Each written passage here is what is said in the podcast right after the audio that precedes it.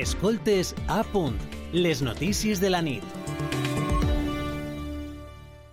El Centre d'Investigacions Sociològiques ha publicat avui eixe abans està fet sobre 2.500 eh, persones enquestades majors de 18 anys i eh, són diverses les eh, qüestions que, que aborda. Per a conèixer un poc més com és la nostra societat, esta nit eh, parlem amb Joan González. Ell és sociòleg especialitzat en l'elaboració de plans i accions d'igualtat i contra la violència de gènere. Bona nit.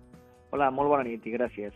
Gràcies a, a vostè per, per estar amb nosaltres i intentar aclarir-nos algunes qüestions. Esta enquesta, segons el seu parer, reflecteix com és la nostra societat realment? A veure, jo crec que aquesta enquesta dona unes claus de que, del que podem percebre eh, a nivell local, perquè al final les ciutats, les localitats són el punt en el que eh, es percebeix tota, tota l'estructura patriarcal o tota l'estructura que n'hi ha de resistències a la igualtat i que podem dir que efectivament estan creixent de resistències des de fa uns anys i que ja es percibien a l'adolescència i ara d'alguna manera a les resistències habituals que sempre han estat estructurals eh, doncs ja hi ha resistències organitzades tant mediàtiques com polítiques i socials que això es tradueix en un empitjorament de, de la situació clarament. Uh -huh. I podem pensar que s'hauria d'haver ampliat l'enquesta a persones menors de, de 18 anys, almenys fins als 16 anys, pensant en l'augment no?, que s'està produint eh, d'agressions i maltractaments eh, en este tram d'edats? Sí, és molt bona apreciació, perquè a més, efectivament, està en eixe tram d'edats i també les resistències estan creixent molt en eixe tram d'edats. Això es percibeix clarament quan se fan activitats o quan se fan enquestes en els centres educatius. No? N'hi ha unes generacions de dones que van guanyar eh, d'alguna manera la igualtat eh, i ara mateixa el risc està en algunes dones i també homes, evidentment, que no percebeixen eh, amb, la mateixa, amb la mateixa claretat quines són les resistències o els possibles riscos i també per eixa afluència presència audiovisual i de continguts que n'hi ha, doncs, d'alguna manera, n'hi ha una reversió en eixes edats, que comença molt en l'àmbit escolar també, per una massiva eh, contrarreforma eh, mediàtica a la igualtat i a la resistència contra la violència de gènere. Mm -hmm. És molt important la que jove, efectivament, i hauria d'incidir-se en saber la seva opinió i tractar-la.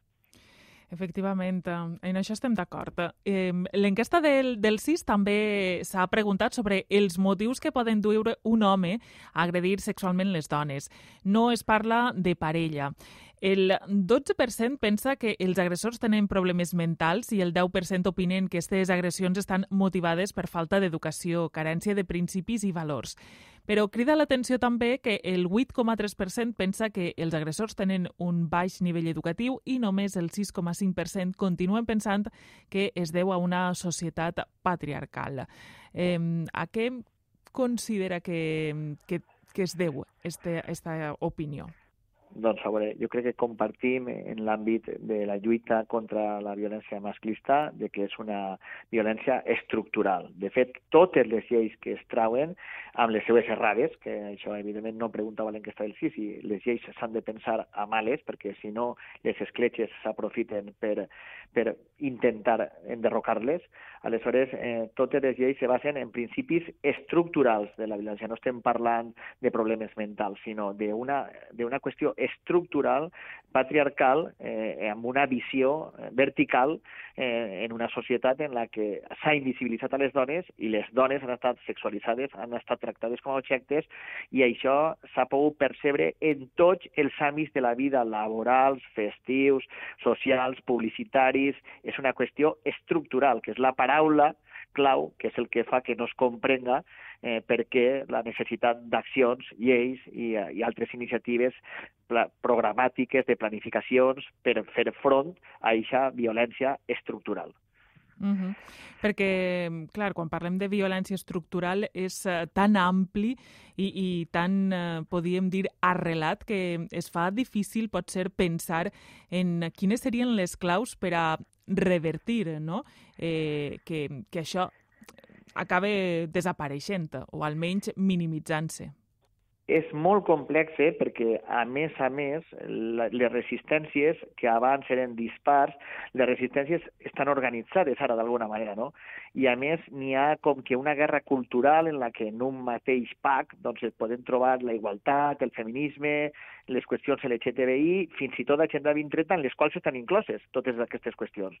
Aleshores, n'hi ha una guerra cultural. Aleshores, està legitimant-se, cosa que mai s'havia fet, està legitimant-se una visió que ara juga en contra de la igualtat, en contra de la perspectiva LGTBI, en contra del feminisme, etc i està legitimant-se. O sigui, abans era una qüestió que podies avergonyir-te i avui en dia és una qüestió que pot donar-te orgull si estàs en aquest pacte social. No? Mm -hmm. Aleshores és molt complex també perquè, a més a més, eh, eh, vivim en un món amb molta infoxicació, en la que n'hi ha molts mitjans, n'hi ha molts, molts vídeos, n'hi ha molts programes de televisió, n'hi ha molta informació. Eh, aleshores, eh, la ciutadania, evidentment, té un tsunami d'informació, tant d'aquestes resistències i la institucional suposa que amb la social i amb, i amb la ciutadana doncs, ha de modernitzar-se i ha de pensar eh, què és allò que arriba a la ciutadania i de, quina, de quines maneres avui en dia pots arribar a generar aquesta conscienciació, aquesta sensibilització per aturar doncs, el que ara mateix és una guerra cultural oberta que intenta